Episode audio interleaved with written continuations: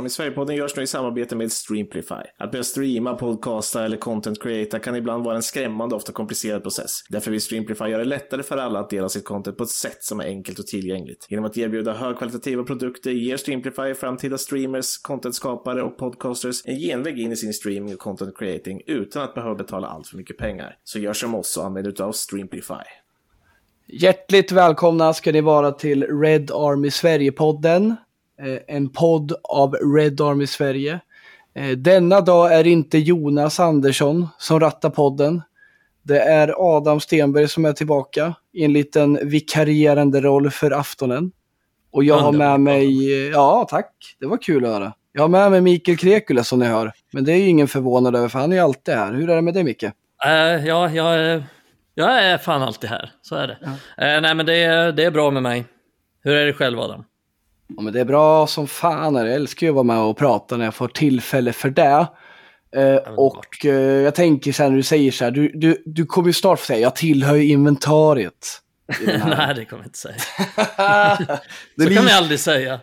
ja, det är lite så här, Jag vill inte vara en sån som tillhör ja, det är inventariet. lite cringe, men vi får låta de här 60 och 50-talisterna säga så, för det är ändå okej då. Men när man är typ 80-talist och säger det, då blir det lite otäckt tycker jag. Men det får stå för mig. Jag tänker också presentera vår gäst vi har med, för Jonas är inte med, han är och jobbar.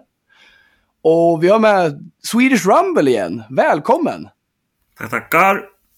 Hur är det med dig? Är det bra? Jo, men det var bra. Eh, full fart. Höst. Längtar till, till att klubb, klubblagsfotbollen drar igång igen efter ett inte så jättespännande internationellt uppehåll här. Sen händer det mycket med United. Eh, så så att, eh, man kan hålla sig sysselsatt i alla fall. Som en supporter. Det är ju så. Man, man, man kan ju känna att det var skönt med landslagsuppehåll, för United är ju sådär. Men sen också, Ja. går det några dagar och då är man ju sugen på United. Det spelar ingen roll hur dåliga vi är. Eller hur bra vi är heller för den delen. 24 timmar sedan man sugen igen. Ja, det, Ja, det är så det är. Eh, ja, på förekommande anledning har vi med Swedish Rumble, för det börjar ju ruska till lite i ryktena kring vår klubb gällande ägandesituationer och framtida eh, ägarkonstellationer. Så vi kommer faktiskt ägna eh, vår, vår initiala del av det här avsnittet till just denna situation. Eh, vi har fått in ett gäng fantastiska frågor som lägger grund för vår inledning. Tack för det, kommer vi säga flera gånger. Eh, jättebra frågor har vi fått, både på Facebook, på vår Twitter, eh, säkert på Instagram med. Men eh, vi, vi kommer börja avhandla dem. Eh, och sen eh, när avsnittet gått lite så kommer jag och Mikael eh, fokusera lite mer på eh, allt annat jävla trams vi vill prata om. Där eh, Swedish Rumble avviker då. Men vi kommer inleda lite med frågor. Och jag tänkte höra med er, är ni redo för frågor och börja snacka lite kring ägandeskapet? Ja, men jag är redo att sitta och lyssna på vår finansexpert Swedish Rumble som får briljera här. Så får jag bara sitta och, och lyssna. Till skillnad från tidigare där folk bara sitter och lyssnar på när jag snackar massa skit. Så det ska bli en skön omväxling. Det, det känner jag med. Och, och för er som jag känner att fan Adam vad du skrapar på ytan nu så är det ju så att Swedish Rumble var ju med i vårt avsnitt 100, 181 för att han har just bra koll på finanserna i klubben. Även intresserad av att följa ägandesituationen och ha god kännedom om den. Och eh, i det här fallet kommer jag in då för att prata om det som hänt senast nu att det börjar ju hetta till och det kan bli så att Sir Jim Ratcliffe köper in sig i klubben. Och att då också eh, Yasim, vad heter han nu, Sheikh Yasim, Kataren, har ju klivit ur den här köpsituationen vad det verkar. Och det är många samstämmiga rapporter som talar för både att Mm. Sir Jim Ratcliffe är på gång in och att Yazim är ute. Så jag tänkte inleda lite med en fråga lite... Några små snabba till dig, Swedish Rumble. Är det då? Som det låter nu, snackas om 25% ska Sir Jim Ratcliffe köpa sig in i klubben med. Vad innebär det för Glazers i minska, minskad antal procent av ägande i klubben? Det är El Gato som frågar på Twitter, ska jag säga. Ja, men idag har ju Glazers 69% av, av eh, aktierna. Sen är en stor andel av de aktier de har röststarka aktier. Så de har till och med 95% av rösterna. Eh, och uppgifter som jag tycker verkar eh, vettiga är att varje person av de här Glazers kommer sälja 3% var ungefär av sitt ägarandel.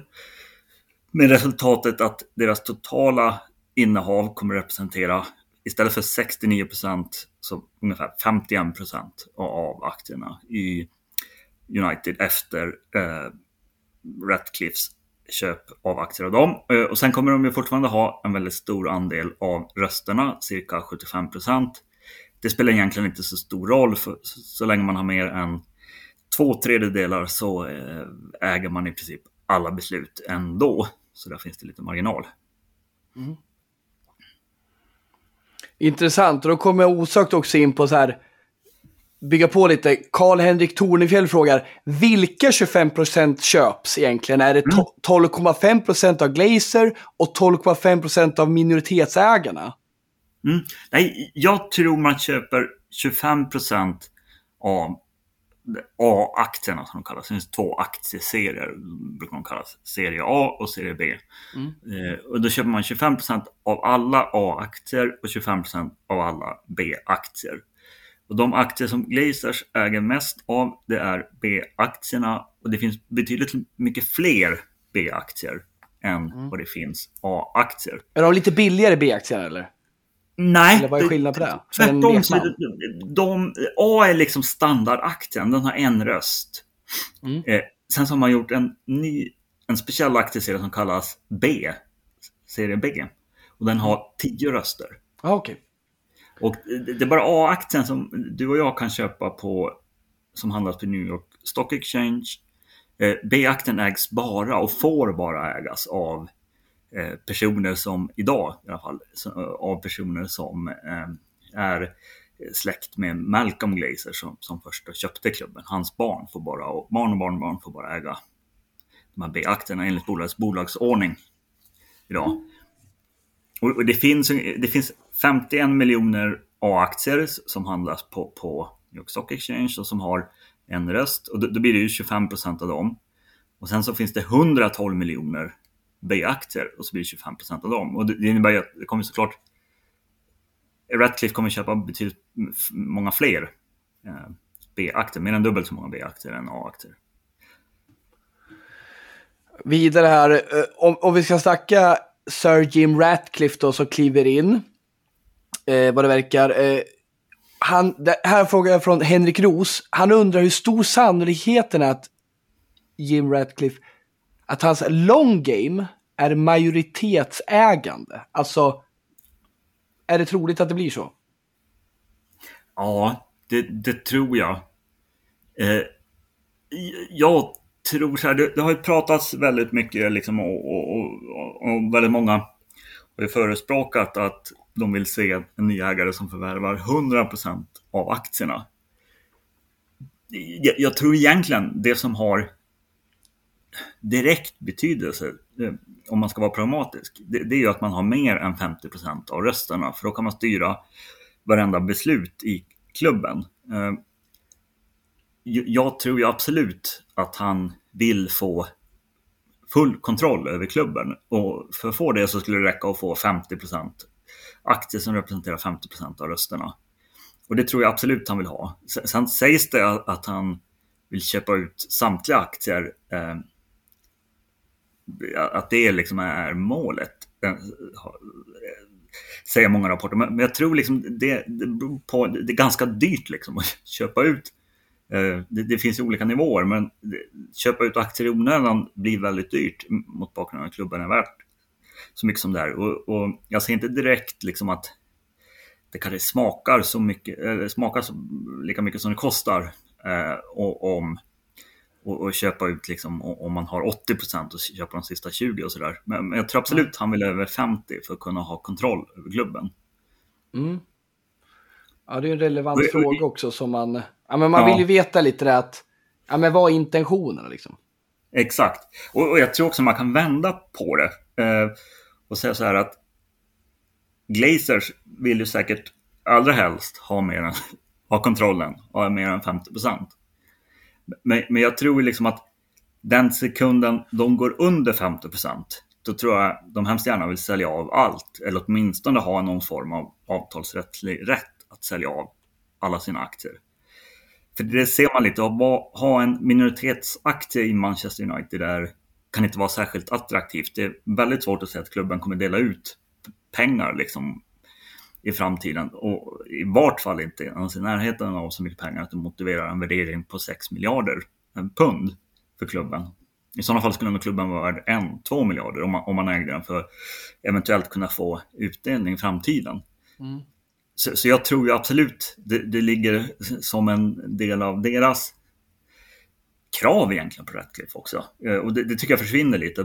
Men eh, så måste det självklart vara att om de ger upp 50 procent, då, då, måste det även finnas en möjlighet för dem att eh, ge upp alla sina aktier. För, för de aktier som blir kvar kan bli ganska värdelösa från från den tidpunkt de inte längre representerar kontroll över klubben. Ja, rent affärsmässigt blir det en stor risk för dem bara att sitta med. Ja.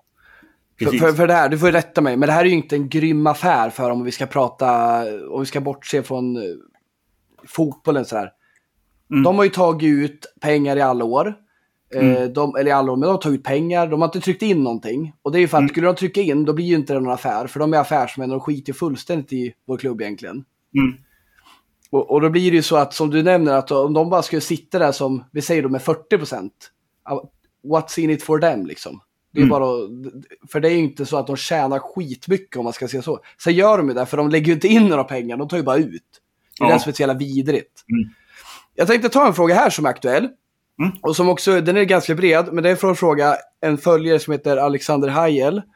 Som skriver så här, och det, det blir liksom brett, men vi kan försöka landa i så här, enligt den infon jag sett, skriver han, så har Rat, och det är ju intressant med tanke på vad kommer Ratcliffe in med för kraft? För här gissas mm. det ju mycket och det finns säkert mm. inte all fakta, men ge oss någonting här. Då står det så här, enligt den info jag sett så har Ratcliffe ett net worth på 29.3 billion uh, pounds. Mm. Alltså 29,3 miljarder pund. Medan mm. Citys ägare endast har 17,3 miljarder. Stämmer dessa mm. siffror? Om vi ska se så här. Det han vill mena är alltså Sir Jim Ratcliffe rikare än Citys ägare. Det stämmer väl inte, eller? Gör det? Ja, ja men det, det, gör det. Sen så ska man komma ihåg att eh, man måste... De, här innebörden av de här siffrorna det, innebär då liksom helt enkelt att man värderar hur mycket tillgångarna som en person äger är värda. Mm. Uh, och Ratcliffe äger ju 60% av bolaget Ineos. Just det. Som alla har hört talas om vid det här laget. Sen så finns det två andra personer som äger 20 vardera och, och är medgrundare till bolaget. Eh, jag, tror den här uppgiften om 29,3 miljoner kommer ifrån eh, Sunday Times i, England som producerar en lista över Englands rikaste personer. Eh, och då, då, ligger han nummer två mm, på den listan med 29,3 miljarder pund. Och det är mycket pengar, det är mer faktiskt än Stefan Persson har eh, som äger H&M. Ja. Så, så, så, det är väldigt mycket pengar. Ineos är ett väldigt stort bolag då, eh, med deras mer till, till ett högre belopp än, än H&M eller i vart fall så eh, anses Stefan Perssons ägarandel vara värd mindre än, än i H&M än vad Ratcliffes är i Ineos. Eh, mm. Det betyder ju inte att han har 29 miljarder pund på bankkontot. Nej, just det. Och, och liksom i, samtidigt kan man säga, ja, men då om, om den shejken från Abu Dhabi som äger City anses bara ha endast 17,3 miljarder.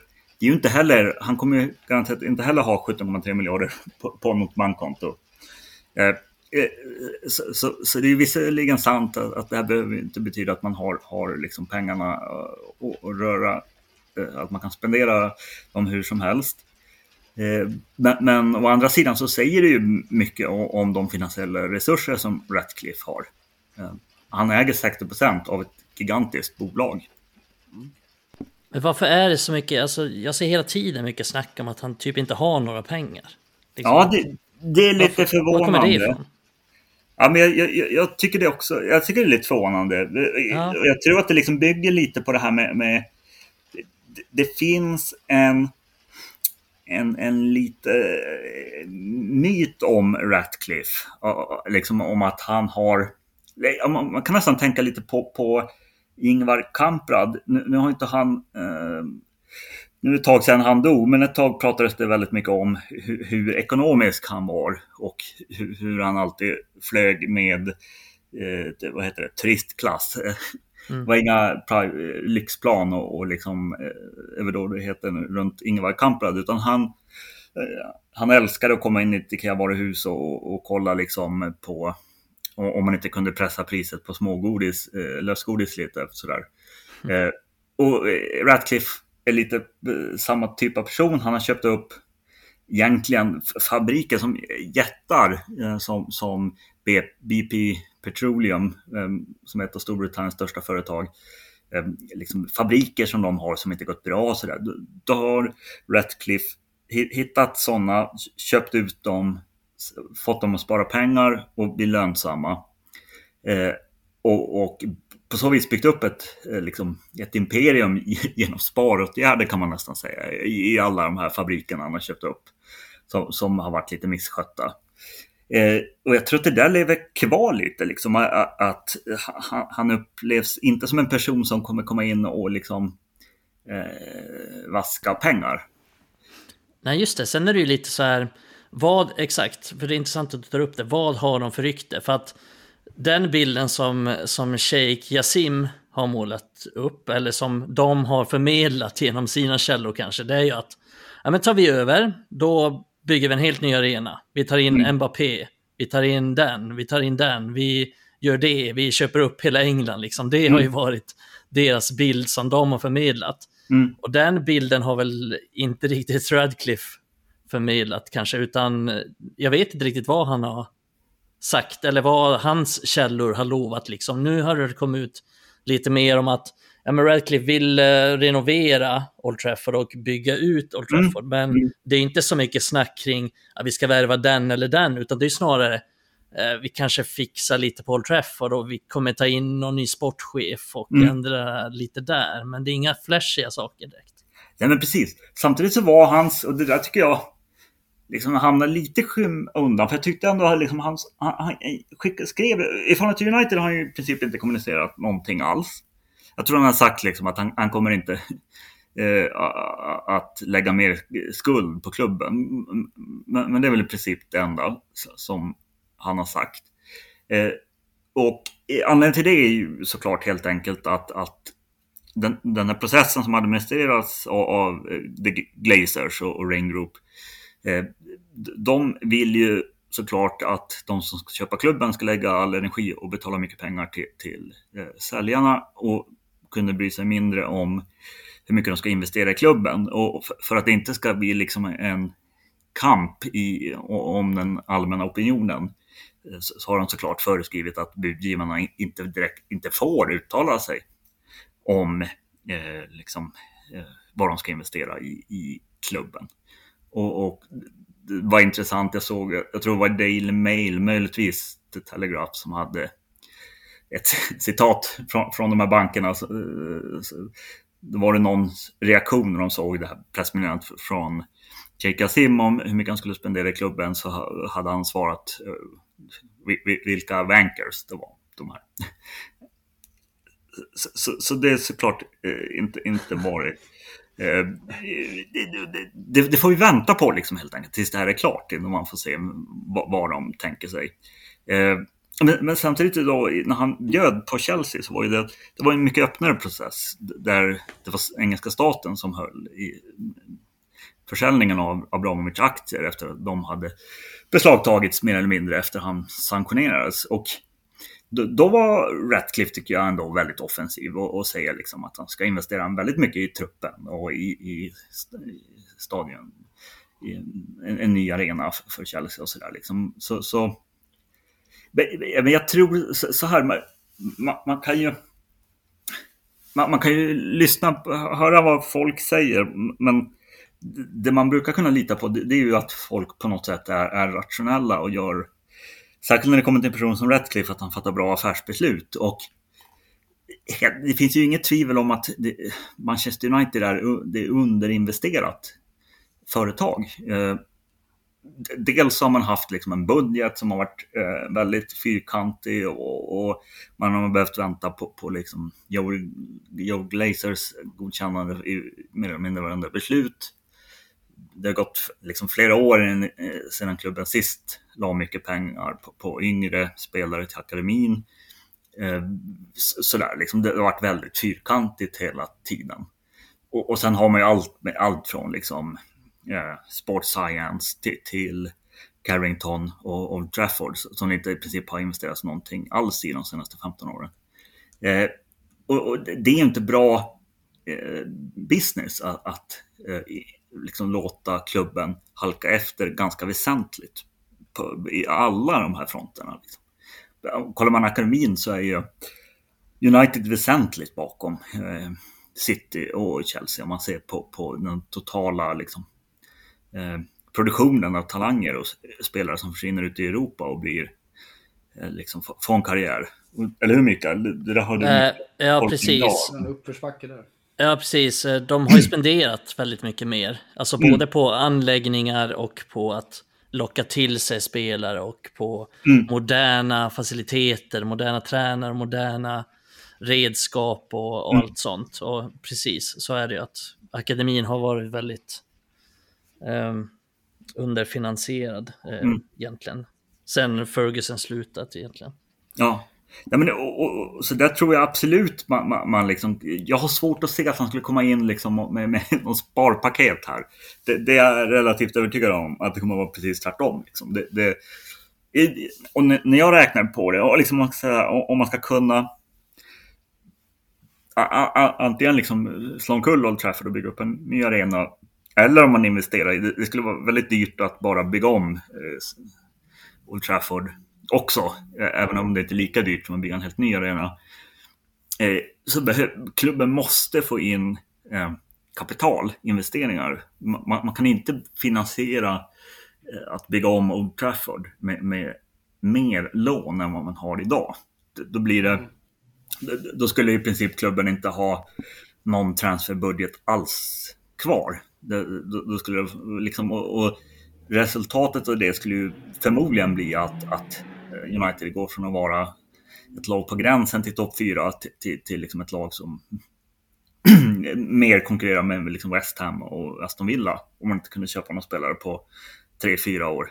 Eller bara mycket begränsat med spelare. Ungefär som Tottenham hade under en period. Just det, men visst, eh, vi, jag tror att vi hade någon fråga kring det här, du får rätta mig om jag fel Adam, men vi hade ju någon sån här fråga, visst, det påverkar ju liksom inte Financial Fair Play om man bygger ut arenan, liksom att de pengarna räknas inte till det, men då krävs det ju också att någon investerar i det, att till ja, exempel men... Redcrew kommer in med pengar, med sina mm. egna pengar på något sätt. Mm. Ja, vi kan ju ha en skuld på, det vill säga istället för att ha en skuldgräns vid 115 kan vi ha 15 miljoner. Hur fan är det där? Om man har en ägare som trycker in 100 miljoner Ja, men precis. Exakt. Enligt Premier Leagues fair play, Financial Fair Play-regler, sen har Uefa ett eget regelverk. Mm. Premier Leagues regelverk, de, de tillåter en förlust på, som utgångspunkt, 5 miljoner per år. Mm. Eh, och det blir ju då 15 miljoner över en treårsperiod man mäter. Sen kan förlusten om bolaget har, det har tillskjutits kapital till bolaget, då, då, kan den förlusten gå upp till, till 105 miljoner. Och det är det som kan påverkas då om ja, Ratcliffe skulle ett komma in och två vilja trycka in det? Ja, precis. Det, det hjälper det absolut. Men sen är det klart att om man om man tog ett lån på en och en halv miljard för, att bygga om Old Trafford eh, så eh, skulle man behövt betala ränta på, dem, på ja, det lånet. Mm. Och, och, där blir det liksom enkel matematik att säga att det, det går inte ihop liksom mm. att betala 60-70 miljoner per år eh, i ränta och sen amortera lika mycket till. Det, det, då, då, blir det inte mycket pengar kvar till något annat. Eh, så den måste ju finansieras på något annat sätt liksom, än, än med mer skuld. Nu har, vi, nu har vi börjat lyfta lite tankar här. Eh, tänker osökt på en fråga eh, som kan väcka lite diskussion. Men eh, innan vi går vidare på lite fler frågor, men att Gabriel Larsson, en gedigen följare vi har, han undrar ju vad vi tänker då, respektive om ägarfrågan Mm. generellt och om att Yassim från Qatar drog sig ur. Hur känner Mm. du där, Mikael? Eh, ja, eh, ja, bra fråga. Eh, men jag, det är en svår situation för det verkar inte som att nu, nu, nu kommer mina killgissningar slås på fingrarna, Swedish Rumble här, men, men det känns inte som att Glazer har velat, velat ge upp allting, så att säga. Så att det har ju varit den här situationen där man kanske får köpa in lite mindre delar som Ratcliffe gör nu med 25 procent. Eh, och Yasim verkar ju inte haft den liksom, förhandlingstaktiken på något sätt. Jag har i alla fall fått känslan att Redcliffe har liksom spelat deras spel och kanske fjäskat lite för Glazers och försökt få in lite fötter och träffa dem några gånger och eh, berömma dem kanske för deras jobb i United. Nej men vad vet jag, liksom att de har kommit in den vägen medan Yasim bara Eh, jag läste något sånt här rykte om att Glazer blev irriterade på, på shaken för att de typ eh, sågade Glazers eh, liksom insatser i United. Och det är ju kanske ingen jättebra taktik om man vill förhandla med någon att göra på det sättet.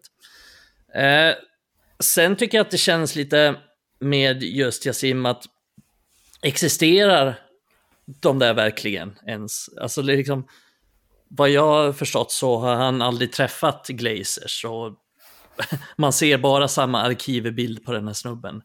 Eh, så det, det känns lite sketchy på det sättet. Jag hade velat ha lite mer eh, kött på benen kring vem, vem de här shejkerna egentligen är och, och så vidare. Men, eh, nej, men det känns väl som att eh, kanske lite kontroversiellt, för det verkar vara som att många tycker annorlunda, men eh, jag känner väl att, att Redcliffe kommer in eh, är ganska mycket bättre än att Glazers blir kvar bara.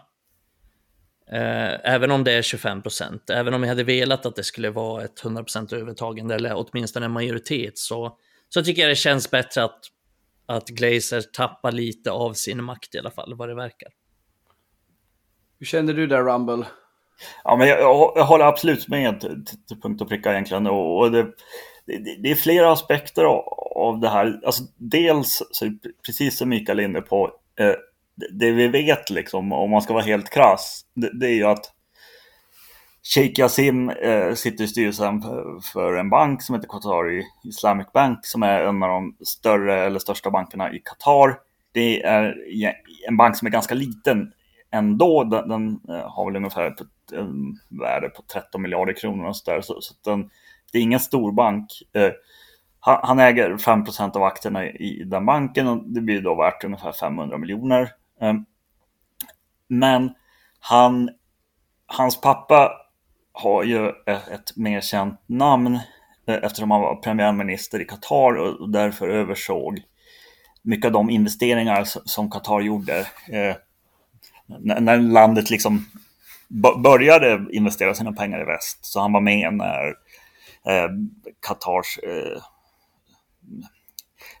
fond köpte delar av Harrods i London och, och liksom man har köpt delar av Heathrow och, och Eh, st stora delar av, av eh, fastighetssektorn. Eh, han benämns ibland mannen som köpte London.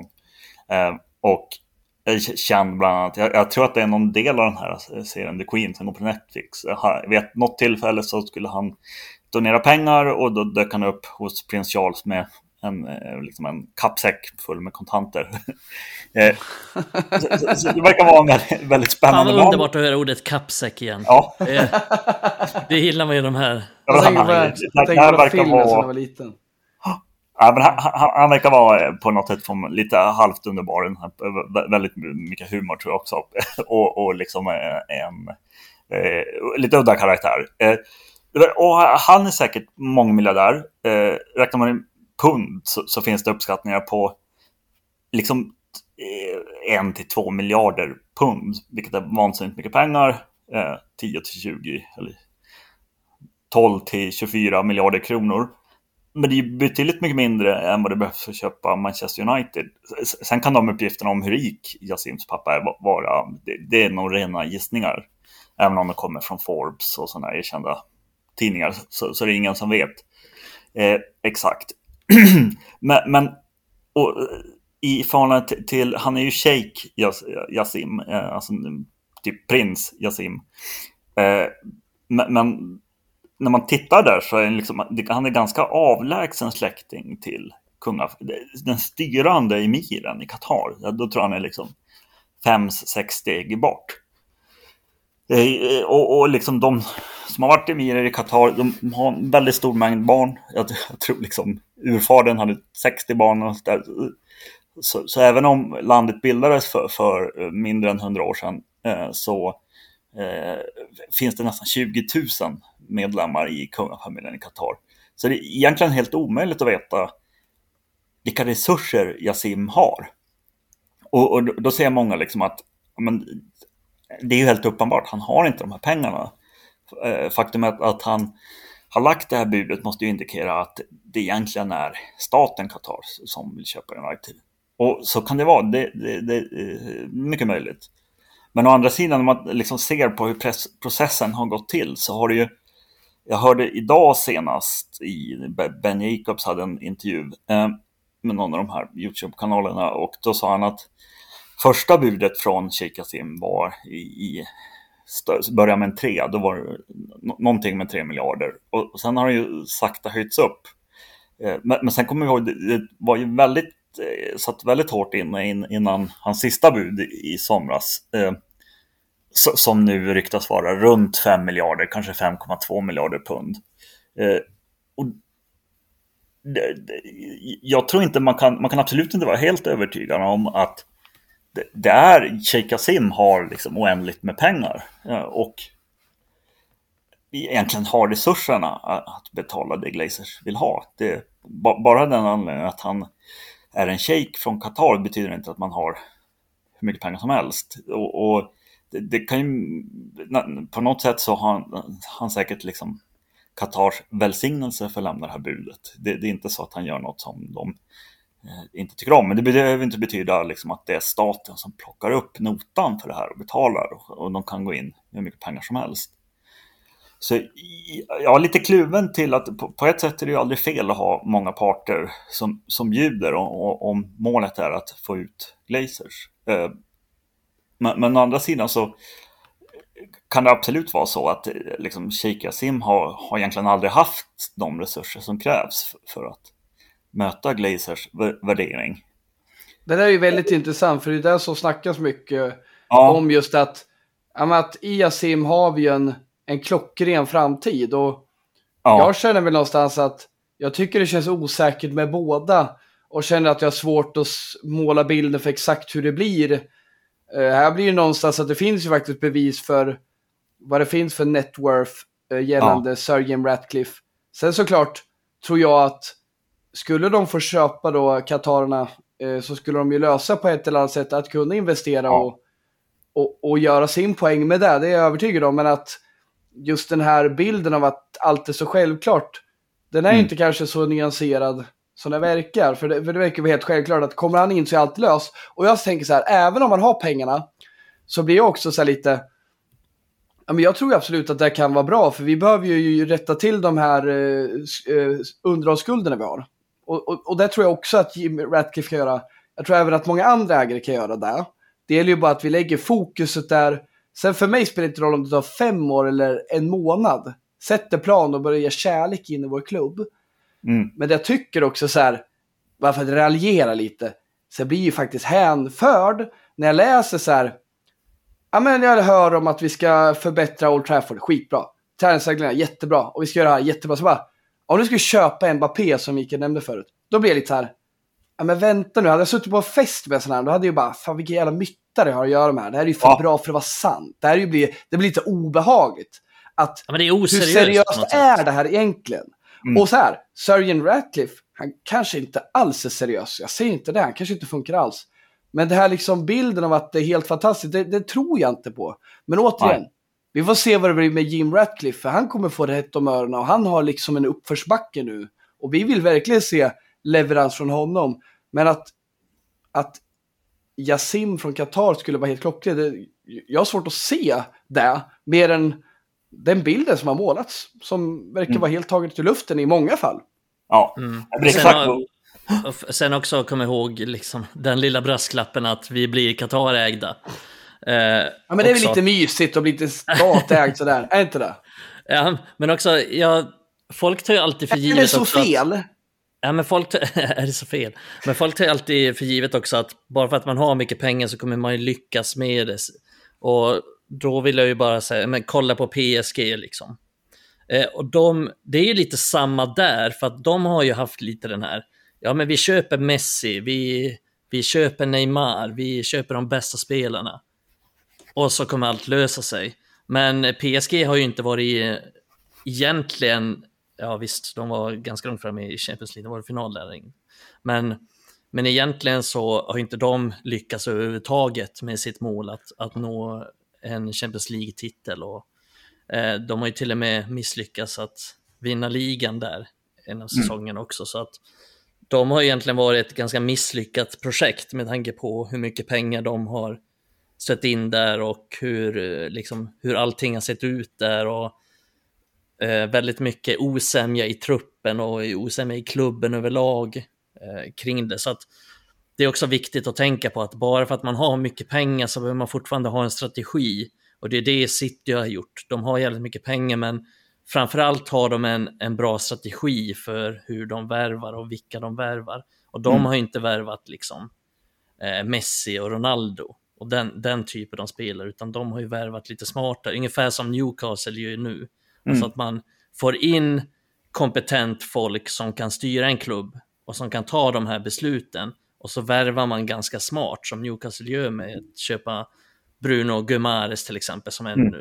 suverän värvning. Liksom. De har inte heller gått på de här på de här stora namnen utan de bygger sakta långsamt upp någonting och det är ju det smarta sättet att göra på. Så att, och det kan man ju, det kan United göra.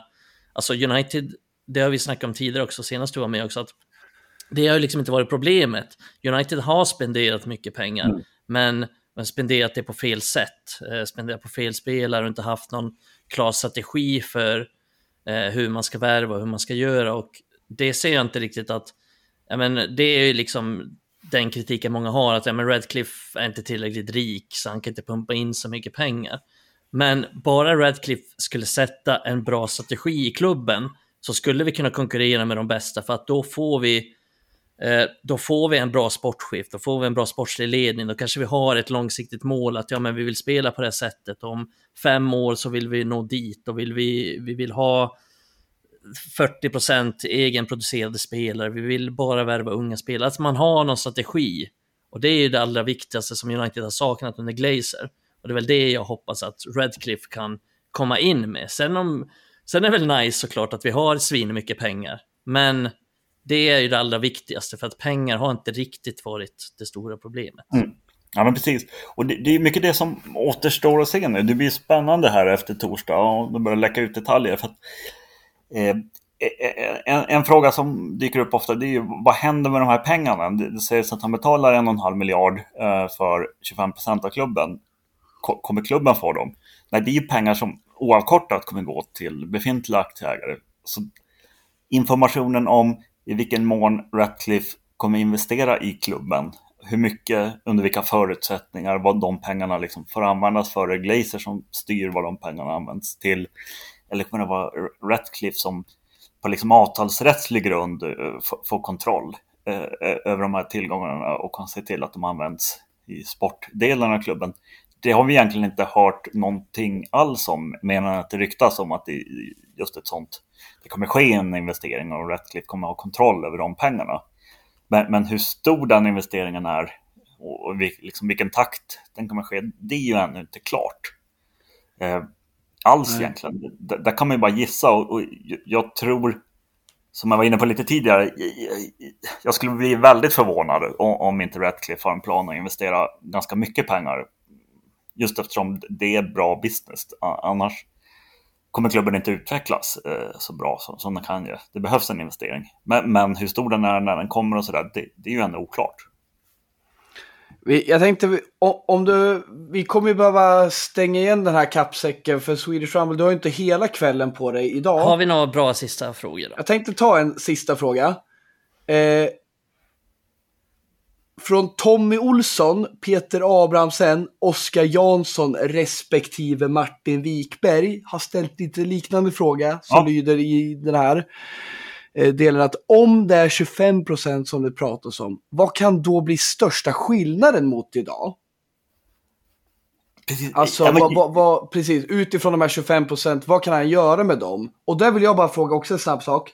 Stämmer det här lite som jag har hört att att han är ju inte majoritetsägare, tvärtom. Han har köpt in sig på 25 procent. Mm. Men han, han, är utifrån de delägarna som finns den med störst procent per huvud. Ja. Sen är ju Glazers-familjen en stor jävla myrstack av otäcka människor. Men att ja, han men per huvud, stämmer det? Ja, nej, men det stämmer.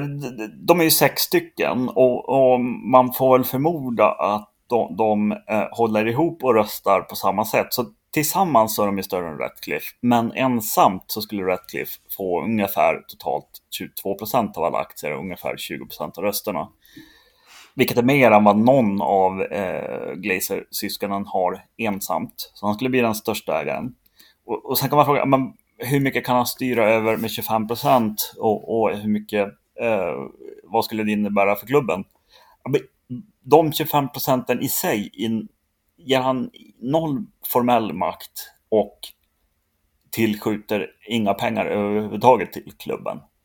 Eh, så, så, det som krävs är ju ytterligare investeringar utöver de här en och en halv miljarderna som det kostar för han att köpa aktierna.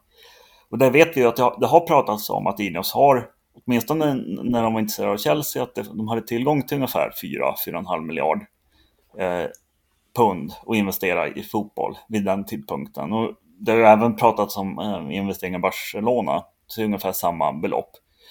Eh, och eh, så, det, det, ligger ju nära till hands att anta att Ratcliffe, eh, utöver att köpa de 25 procenten, att liksom överenskommelsen som styrelsen ska behandla på torsdag eh, innebär en, annan form av investering vid sidan av de här förvärven av 25 procenten av aktierna. Och, att de pengarna kommer att skjutas in i klubben och att han enligt villkor i, investeringsavtal med mera som ingås får genom den investeringen också få kontroll över klubben. Men exakt hur det kommer gå till, det, det återstår att se.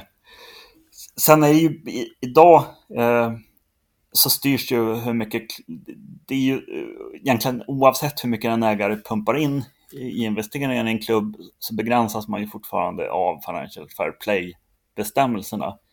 Så det är en mycket relevant fråga som Martin var inne där.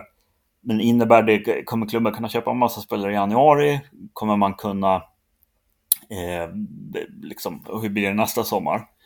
Och, och, om det inte sker någon investering överhuvudtaget, om Glazer har varit kvar, då tror jag i princip inte man kunna köpa något i januari, men nästa sommar skulle man ha haft ganska eh, stora möjligheter. Jag skulle inte alls ha blivit förvånad om, om vi hade sett transferrekord nästa sommar för klubben. Eh, I absoluta tal, alltså uppåt 300 miljoner pund åtminstone. Eh, om Glaze har varit kvar. För, för man har inte investerat en jättestor andel av omsättningen de, de senaste åren. Och det har funnits skäl till det. Man har haft, kassan har liksom tömts ut under de här covid-åren och sådär.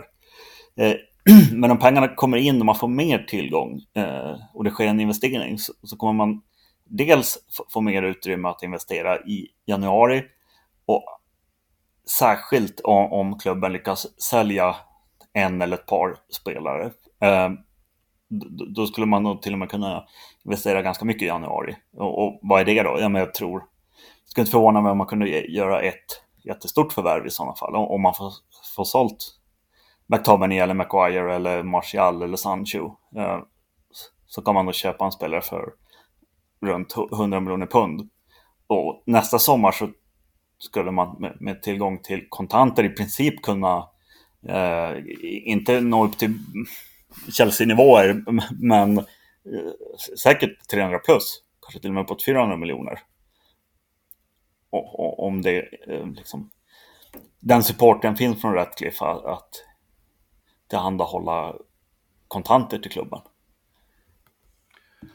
Ja men fan, jag vill eh, rikta ett stort tack till dig Swedish Rumble för att du var med idag.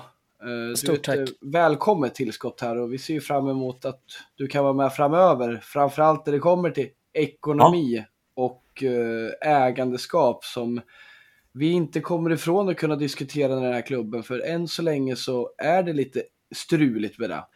Ja, ja men tack själva. Ni vet hur det är. Det, det är som United-supporter så vill man snacka om United så mycket det bara går. Så, Ja, det gör du bra. Du, du, du, är bra på Twitter tycker jag, det ska du ha. Ja, tack, tack själv. Och för alla som inte gör det redan, gå in och följ Swedish Rumble som man faktiskt heter på Twitter. Jag tänker inte säga X, jag säger Twitter. Ja, jag också. Och följ inte mitt ex på Twitter, nej.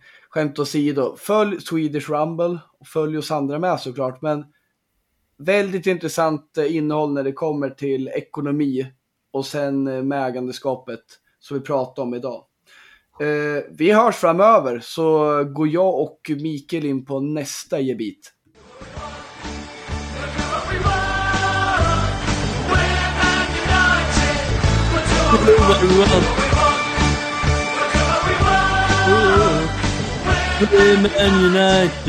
Och Janne Jan. Ja, då ska vi vidare. Vet du vad jag tänker osökt på Mikael? När vi Nej. berör de här vidriga Glazers syskonen. Man pratar ju ibland om Glazers och sen pratar man om syskonen. Då tänker jag på de där eh, jävla bossarna i Super Mario. Då var det ju alltid så här massa olika syskon eller barn eller vad fan det var till Kung Koopa. Den ena var vidare än den andra. Och det var ju någon tjej där i den skaran, precis som i Glazers-familjen. Ha- Har, kan du relatera eller är helt jävla ute och cyklar som vanligt? Nej, du är helt jävla ute och cyklar. Och sen har vi den där pappan där som är hädagången. Som är den här jävla otäcka Koopa-bossen, sista bossen. Och det är ju så, vi har ju inte mött sista bossen än. Vi har ju knappt mött tredje bossen. Men först Nej. kanske. Vi är på väg där med 25 Ja, vi är procent. på väg där. Som ett gäng eh, sköldpaddor. Eller vad vi är. Det är ju lite sådär, jag vill se det här.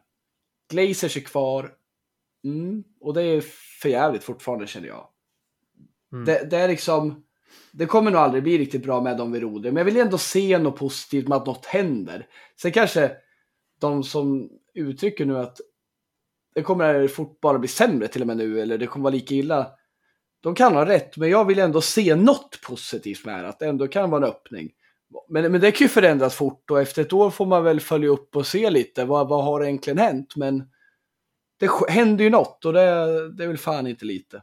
Nej, men alltså, exakt, vi vet ju inte. Vi kan ju inte veta, så det är ingen som kan veta. Eh, det är ingen som kan veta att Redcliffe blir bra eller Redcliffe blir dålig eller att det blir si eller så. Vi får ju bara utgå från vad vi tror och vad som är mest rimligt känner jag.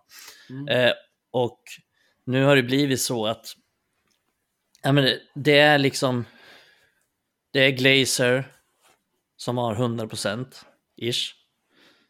Eller majoritet i alla fall, det kan ju på 100%. De Glazer majoritet eller att Redcliffe får in de här 25 procenten. Det är antingen eller, det är det vi har att välja på nu eftersom eh, Yasim drog sig ur. Eh, och då känner jag att eh, det är väldigt mycket bättre så här. Det ger mig mycket mer hopp i alla fall om att det ska ske någon förändring. Eh, än att Glazer har den här stora majoriteten som de har haft tidigare. Eh, för då känner jag verkligen att de, vi, vi vet ju, vi har haft dem i 15 år. Eh, vi vet ju att, ja mer än 15 år till och med. Vi vet ju liksom att de inte, de kommer inte göra någon sportslig förändring direkt. De kommer bara köra på som de alltid har gjort. Eh, för det är exakt så de alltid har gjort.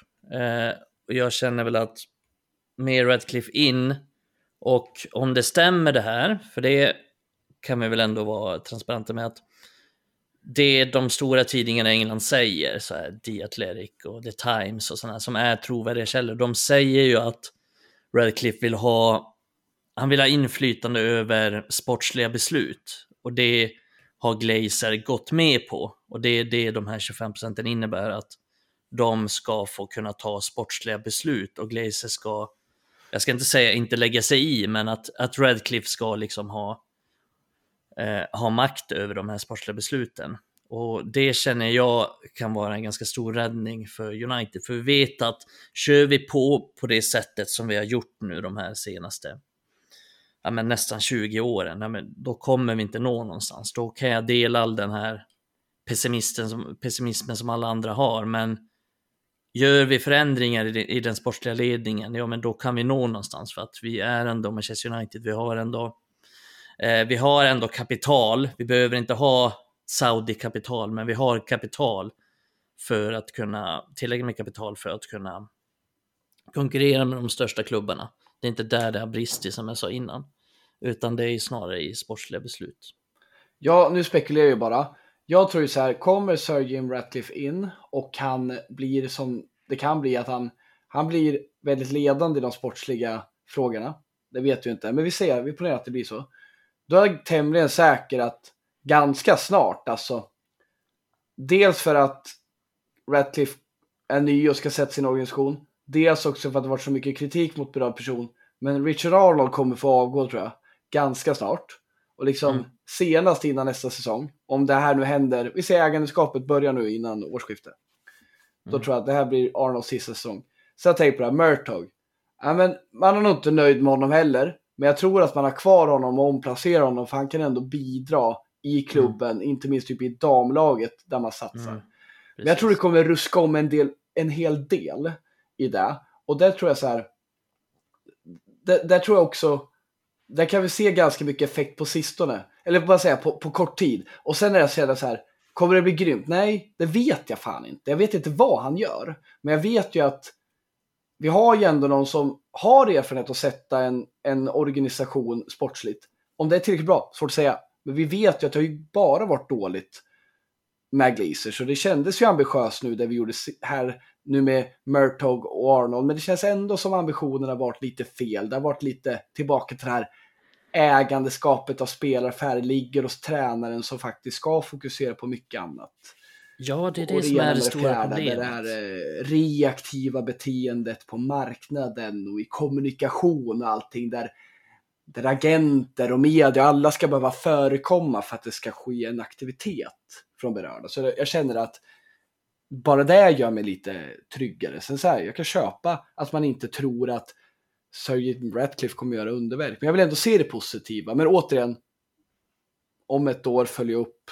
Men jag, jag, vill ändå, jag vill ändå lyfta någonting positivt, för det har varit så jävla mycket negativt. Men så återigen, jag kan sitta om tre månader och vara förbannad på allt igen, för det, det är fan inte lätt nu. Det är inte mycket att vara glad för. Nej. Men vi, vi måste ändå ha något hopp om att saker och ting kan förändras, för annars är det helt meningslöst. Ja, jag vill se på det. Jag, jag vill se på saker på det här viset. Och, mm. och jag, jag liksom tittar på vår kultur i, i klubben, där som Gary Neville nämner i en, någon slags handlingsplan han börjar spesa upp på, på Twitter, vad han vill ha klarhet kring nya ägandet.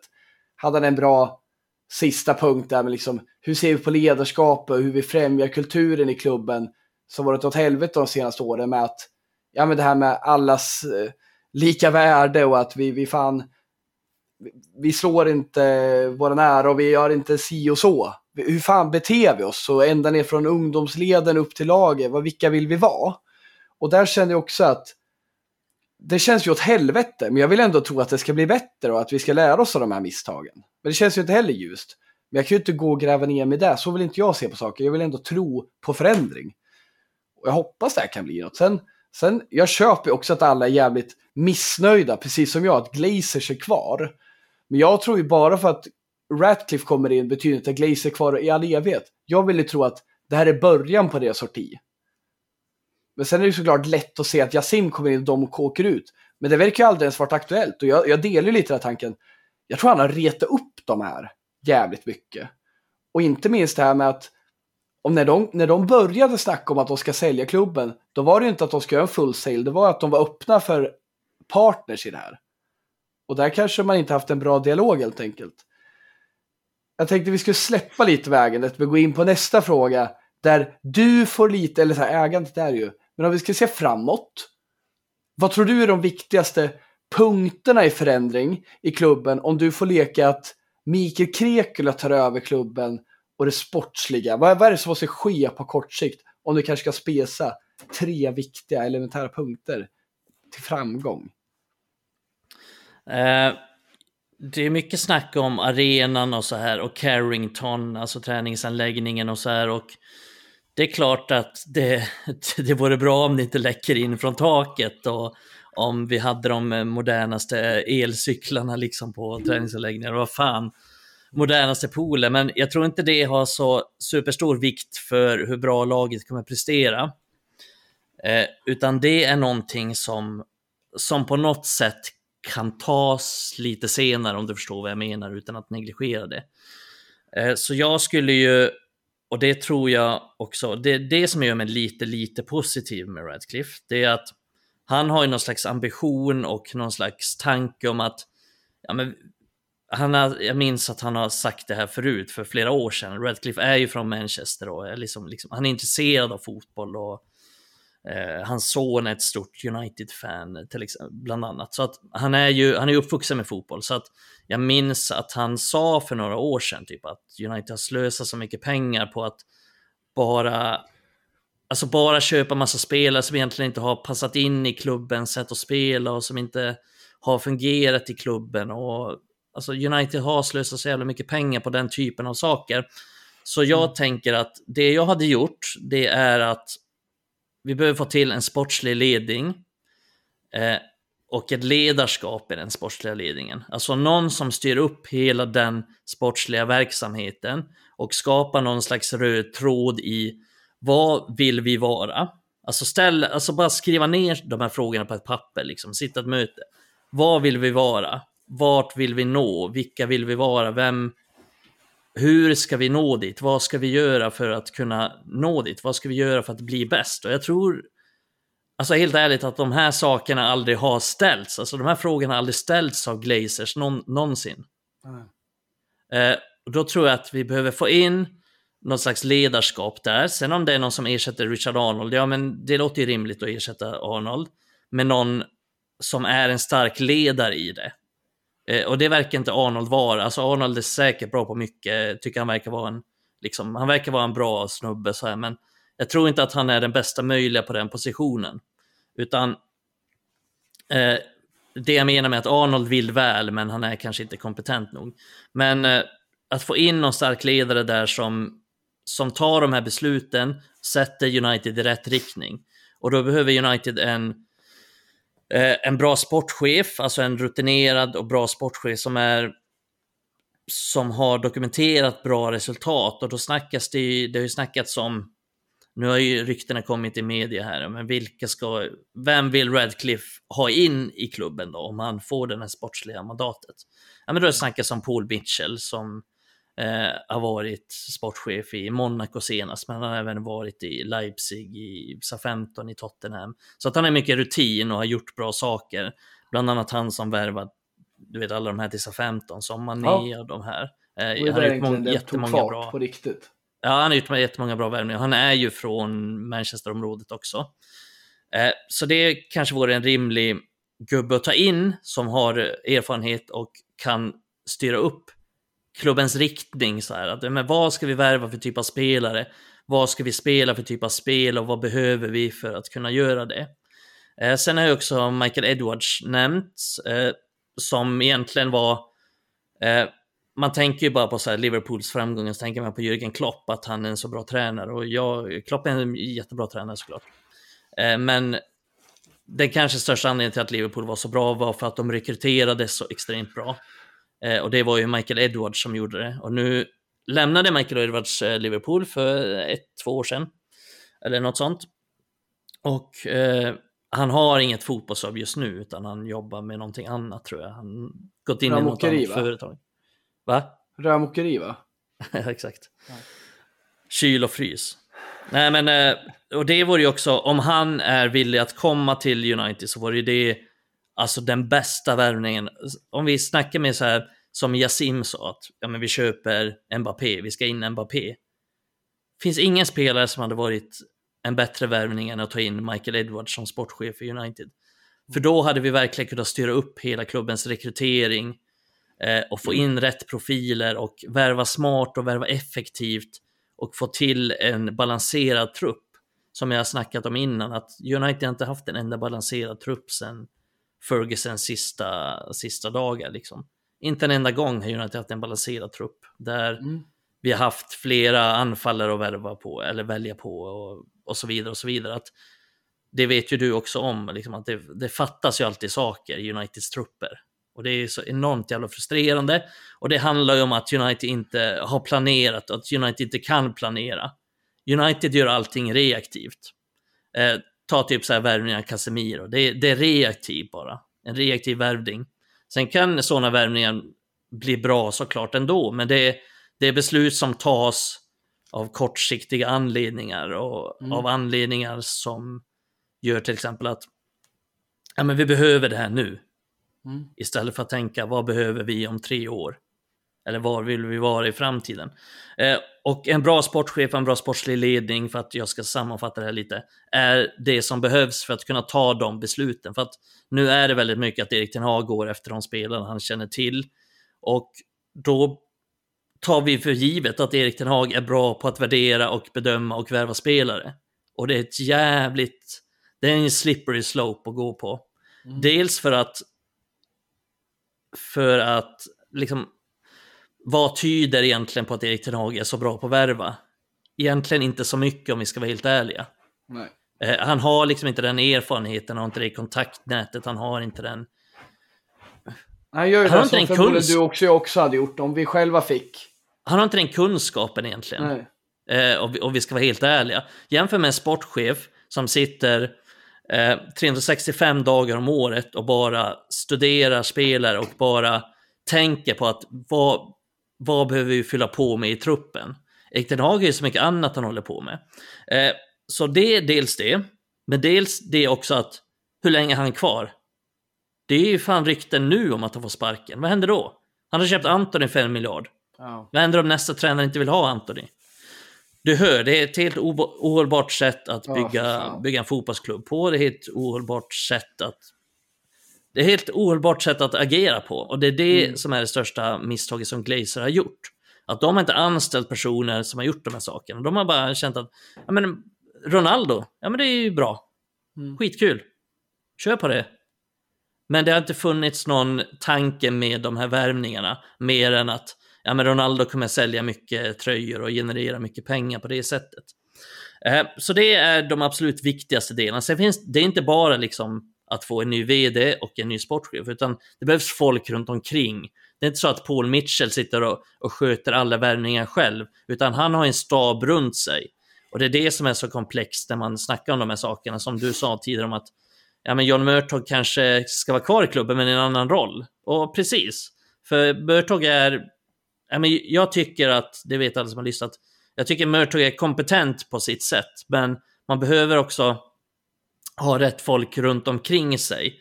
Och en person kan inte göra allting och en person kan inte styra upp allting. Och dels behöver de personerna stöttning uppifrån för att kunna göra de här sakerna och det behövs en röd tråd för att kunna göra de här sakerna. Så att han är säkert jättebra i en annan roll. Han kanske, nu vet jag inte om han nöjer sig med det, men han kanske kan ha mer översikt över damlaget. För att där värvade han väldigt bra till exempel, för när United startade upp sitt damlag så var det John Mm. Murtog som stod för många av de värvningarna. Nu vet jag att det finns andra som sköter värvningar för damlaget just nu, men, men att han kanske kan ha någon annan roll i det hela, för att han är uppenbarligen en ganska kompetent fotbollsperson. Men vi behöver någon med beprövad erfarenhet där, som till exempel Mitchell eller Edwards. Eller båda. Fan vilken dröm. Eh, som, som styr den här fotbollsorganisationen åt ett håll. Eh, så det är de förändringar jag skulle göra och, och, och det tror jag egentligen är nog. Alltså vi behöver inte alla pengar i hela världen. Vi behöver få rätt på de här sakerna. Alltså se på typ Arsenal nu, när de värvar rätt och se på Liverpool de senaste åren. När de väl värvar rätt, de har inte behövt så Visst, det är klart att de har spenderat mycket pengar, men de har ju liksom inte Citys resurser. Och de har ändå kunnat, kunnat hänga med bra de senaste säsongerna för att de har värvat på rätt sätt och de har värvat smart och de har spenderat sina pengar på ett effektivt sätt. Och det är dit United behöver komma. Så det räcker inte bara med att ha mycket pengar, vilket vi har sett på United, utan vi behöver även kunna spendera de pengarna rätt. Och det är det jag nämnde med City tidigare här i avsnittet, att de har inte bara mest pengar, utan de är också bäst på att spendera de pengarna. Mm. Eh, och det är det vi har att konkurrera med. Så att vi, be vi behöver smartare fotbollsbeslut. Vi behöver sluta ge mandat till en tränare som bara är tillfälligt på plats, helt enkelt. Ja, jag, jag säger inte att det måste vara en fotbollsmänniska. Jag tror det finns bevis för att det behöver inte vara en fotbollsmänniska som vd. Men jag känner ju det lite att jag skulle ändå vilja få in lite fotbollsmänniska därför ja, man ser på det liksom nyktert att vi har en tränare som kommer in med ganska dåliga förutsättningar i klubben sett till att ja, vi har ingen seriös sportlig eh, organisation. Då vill man ju kanske kunna ha lite feedback, någon att bolla med och någon som faktiskt följer upp det man gör. Jag tänker som Erik Ten Hag, kom in och säljer en idé. Tvivla på att han sålde det vi ser nu. Att han liksom knappt vet, det, spelarna knappt vet vad vi ska göra och det är väldigt upp och ner. Ena dagen är det possession, andra dagen är det kontring. Men jag tänker sådär, att det är rättvist också mot våra tränare, om det är Mourinho eller Erik Ten Hag, att vi följer upp dem på rätt sätt och inte bara gör din grej, det blir säkert bra, vi kastar lite pengar här, det blir den spelaren du vill ibland och ibland blir det inte det. Och det, det blir så jävla... Alltså jag, jag, tror inte det är sunt att liksom ha några så här som bara låter ett spelare, tränarna göra vad de vill med spelaffärer, vilket de kan till en viss del tills pengarna är slut, då får de ingen spel alls. Och att du liksom ja, men inte följer upp det. Jag, jag upplever så här så många tränare vi haft genom åren och tänker på det. Många tror inte jag riktigt följs upp på det de gör och de får göra lite för mycket som de vill. Och det påverkar ju mm. i det mm. långa loppet men även de kortsiktiga resultaten. Man sätter sin egna lilla agenda och sin egna strategi för stunden som i regel också är ganska egensinnig, ganska kortsiktig. För man ska hanka sig kvar. Ja, det blir också ett, det är ett brist på ledarskap därför att det blir ju hela tiden de här motsättningarna i klubben. Jag tänker på typ så här Mourinho, så blir han arg på, på ledande personer högre upp för att han fick ju bestämma i början. Det blir som ett litet barn, förstår du vad jag menar? Ja. Man ger dem li, man ger dem lillfinger så tar de hela handen och så blir det ju väldigt mycket med Mourinho så att ja men han fick massa pengar att spendera och sen bara ja, men nu vill han ha mer och den spelaren vill han ha och den spelaren vill han ha och till slut måste någon säga nej och då blir det clinch liksom i det.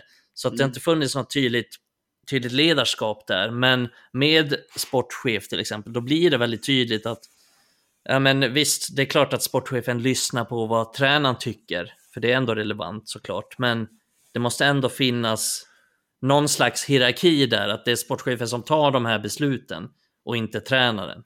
Mm.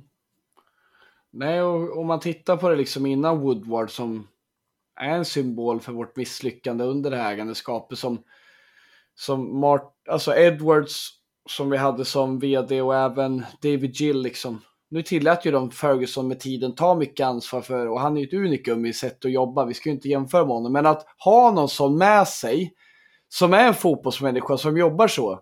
Det är liksom, jag saknar det. Jag vet inte om det kommer avgöra och vara receptet, men liksom Ja, men fan, vad, vad, kan Arnold ge oss? Han kan ge oss uh, en, eh, uh, sälj en klubb i världen, absolut. Han kan jobba med ekonomi. Men för, för, för vår sportsliga ledning, jag tror vi behöver lite den dynamiken. Och en sån som Edwin van der Sar, kanske inte den som tar sig till toppen, men lite den, man har liksom en vd-erfarenhet och kan fotboll också och kan sälja in oss både som klubbmärke men även som fotbollsmärke. Vad är det vi vill åstadkomma? Och där kommer det vara liksom, det kommer vara The Eric Ten Hag Way tills han får sparken. Och sen är det The Harry Redknapp Way tills han får sparken. Det är ju lite så vi är idag. Och det känns ju inte kul att följa heller. Vi har ju pratat om det mycket med Eric Ten Hag. Det är en, mm. det är en tränare jag fan i mig kommer hålla vid länge alltså, innan jag tappar. För jag gillar hans jävla ledarskap alltså. Men vad fan är det vi håller på med? Vi vet ju knappt det. Och det är det som ska följas upp och stämmas av i tid. Jag tycker liksom, jag vet ju inte, man kanske får, han kanske är assvettig Erik Ten Jag får inte känslan. Han gör ju lite som han vill just nu. Men vi, vi släpper lite där, vi kanske kommer in lite med i nästa ämne. Men jag tänker vi skulle blicka oss in lite på nästa utmaning. Vi, vi har ju en landslagshelg som har tagit slut och vi närmar oss Premier League-återkomst. På lördag 21.00 möter vi Sheffield United. Vilken jävla skittid! Är det det sämsta laget vi har mött, eller möter, på fem år i ligan. Jag har inte mött Luton än. Ja, fan om inte Luton är bättre alltså ändå. Eller så här, Luton Ja, är inte bättre kanske. spelare för spelare. Men jag tror de kan hota oss mer. Ja, ja, Sheffield precis, fattar ingenting ska hota oss. Men Ja. vi kommer ju ändå tappa poäng mot dem. Ja, jag vet. Alltså, jag kan se att vi tappar poäng mot Luton borta för att de bara går på sin jävla adrenalin. Men jag ser inte ens att Sheffield United liksom har den. De är lite för trygga i Premier League, du jag menar. De är lite så bara, de nöjer sig inte med att deras årets match är inte när de möter Manchester United på hemmaplan på något sätt. Men det är Lutons det är Lutons årets match. Även om City kanske vinner ligan så, så Ja, vill de slå Manchester United. Ja, för de här Luton-killarna som är runt 30, de har växt upp med United liksom. Ja. Som the big thing, så det är klart de ser fram emot det. Men eh, nej, jag har tänkt exakt i de banorna du gör. Det är fan Luton, de kommer gå åt helvete när vi är på deras hemmaplan. Men Ja, men Sheffield United, nej jag är inte... för tre år sedan mötte vi Sheffield United och sa exakt samma sak. Sen blev det typ 1-1, Phil Jones Just- snubbla och eh, David Bejon tänkte jag säga. Det var en annan fransman, gjorde ju några jävla mål då. Kommer du ihåg han? Vadå, Mosé. när då? Mosé. Under Solskjaer? Ja, precis. Men kommer du ihåg, var det den matchen du tänker på när vi var inom uh, citationstecken titelutmanare och så spelade vi 1-1 mot Sheffield United, eller fan det var. Ja, vi satt innan och bara, det här är den lättaste matchen i världen. Och sen blev det åt helvete där. Och det var som, precis, eh, det var då. Vi hade ju en jättebra streak och sen fick Jones spela där. Lite synd om han då kom in och... Jag tror det, det var typ första matchen på 400 dagar. Nej, jag skojar. Men jättelänge sedan vi eh, vilade Maguire. Ja, just det. Mm. Nu sitter vi och spekulerar här, så ni får ju skriva på vårt kommentarsfält att vi har fel. Men jag för mig det var någon typ, precis han var lite skadad, han missade även någon League Cup-match i, när, i närheten mot City. Där vi blev helt jävla avklädda. Och det var lite andra tongångar då. Då var det liksom, vi kan inte vila Maguire. Nej, Det och det här var, spelaren vi har. och fan om jag inte missminner mig så tror jag Matic var ganska bra under den eran också, den tiden. Fast det var typ ett januarifönster man gick in i och ville sälja honom, men sen fick han världens jävla renässans. Nu sitter vi och spekulerar som fan, men det kan vara kul att höra om vi är ute och cyklar, för det har ju redan folk sett. Folk har ju redan pausat och börjat googla. Det är det, Sheffield det, är det som är nice när man lyssnar. Ja. Jag kan sitta och kolla upp sånt. Eh, mm, nej, men det, tillbaks till den matchen. Det är en, det är en jävla kuktid, 21.00. Men Kommer du Famous sitta last nykter words. och kolla matchen? jag vet faktiskt inte. Det återstår att se. Det beror lite på hur det går i första halvlek. Ja, visst är det lite så här att går det dåligt i halvtid, då är man ju inte nykter i andra halvlek. Då kommer vi inte ut till andra halvlek. det är liksom däckat någonstans. Eh, nej men, eh, famous last words, men eh, jag är inte så orolig för den matchen, för jag tycker de är piss. Nej fan, det, det måste vi klippa bort, för det kommer någon göra ett ljudklipp av sen. Vi jinxar ju för fan. Ja, det är inget. Nej men det, nej men det känns ändå, det känns ändå bra, det känns ändå ganska lugnt inför den matchen på något sätt. Jag vet inte varför, jag fan, jag säger ofta så här nu. Eh, ändå så är det sällan lugnt. Men eh, jag tycker att de har så lite kvalitet i sitt lag. Måste jag säga. Mm. Ja, men det är ju så att vi, vi skulle ju kunna ha Eriksen och McTominay på det här mittfältet utan att det ser helt jävla åt helvete ut, tror jag. Ja, Eh, för de som tycker helt galen nu så var ju inte de helt dumma tillsammans en period förra säsongen. Innan Casemiro blev varm i byxorna. Eh, just det, i början av säsongen där. Men jag pratade med några bekanta nyligen om gällande McTominay att ja, men visst, han har varit jävligt bra nu. Jag tycker ju i sak förtjänar han att spela, men sen får man se större perspektiv att vi har bättre spelare centralt och som faktiskt kan komma igång, även om jag tycker Casemiro ska petas här. Men just mot Sheffield United tycker jag McTominay kan få spela. Eh, sen vad det blir, men, men det är en match som han skulle göra sig mindre begränsad i och kanske och faktiskt bidra. Eh, det tror jag. Men eh, för vi kommer inte bli så jävla hårt. Vi kommer inte ha så svårt att spela oss ur deras press. De är inte så skickliga. Och eh, Sen tycker jag också att han förtjänar att få spela lite. Och det här är väl en sån match. Men det är också det här att hade Casemiro varit helt fantastisk hade jag inte sagt det här. Och det blir ju lite topic för framtiden att och min fråga kommer efter det också nu Mikael. Skulle du peta honom på lördag om du fick bestämma? Vem? Eh, Håkan Mild. Nej men eh, Casemiro. Casemiro eller McTominay? Förlåt, jag hoppade fram och tillbaka. Nej men jag tänker just för Casemiros dåliga form. McTominay har, har ett, ett bra go. Vi har Amrabat som alternativ. Eriksen var inte helt jävla kass sist. Hur känner du kring Casemiro? Ska han starta mot Sheffield United på lördag? Eh, nej, det tycker jag inte att han ska. Eh, jag tycker inte han har varit tillräckligt bra. Och, eh, ja, alltså, nej, jag tycker inte han förtjänar att starta. Jag tycker att han har... Jag tror jag sa det här i förra avsnittet, men att han har ju nästan varit bättre offensivt än han har varit defensivt och där känner jag väl mer att andra förtjänar att starta, att Amrabat kan ta den defensiva rollen mot Sheffield United och vi kommer klara oss bra. Eh, och sen kanske eh, vi kan ha eh, vi har ju lite alternativ nu för att Eriksen gjorde ett ganska bra inhopp senast, även om jag eh, inte är ett så stort fan av att Eriksen startar match eftersom han har så pass svag fysik numera. Men Sheffield United är nog kanske en match där han skulle kunna klara av att, klara av att starta. Sen, eh, ja, McTominay gjorde mål senast, men vet inte riktigt om jag är sugen på att McTominay ska spela. Sen eh, hoppas jag att eh, Maino är tillbaka och sen har vi en Mount. Eh, Bruno Fernandes kan vara någon slags offensiv mittfältare. Är Maino tillbaka? Eh, det vet jag inte. Nej. Men eh, han har ju... Han, Han tränade med laget. Han kan ju mycket väl vara med på bänken liksom. Ja, precis. Eh, Så det är lite svårt att säga. United har spelat en träningsmatch också. Eh, En inofficiell träningsmatch. Vi har inte så mycket detaljer kring den, men eh, där kanske, det han, där kanske han spelade någonting. Eh, Det vet jag inte riktigt vilka som spelade den matchen, men eh, det skulle kunna vara Amrabat var med där. som vänsterback. Fy fan. Eh, det är det enda jag vill slippa se den här matchen, det är Amrabat som vänsterback. eh, nej men cen- centralt så har vi en del alternativ, jag tycker inte riktigt, det här blev ingen bra utläggning, men tycker inte riktigt att Casemiro har gjort tillräckligt bra för att, eh, för att starta. Jag tycker att han har varit en säkerhetsrisk bakåt och han tappar extremt mycket boll, han blir, han blir bortdribblad så enormt jävla mycket att jag nog aldrig har sett maken på att någon har blivit bortdribblad så många gånger som han har blivit den här säsongen. Eh, så nej, jag ser ingen egentlig anledning till varför han ska starta den här matchen. Han blev utbytt senast i paus och United blev mycket bättre när han gick ut.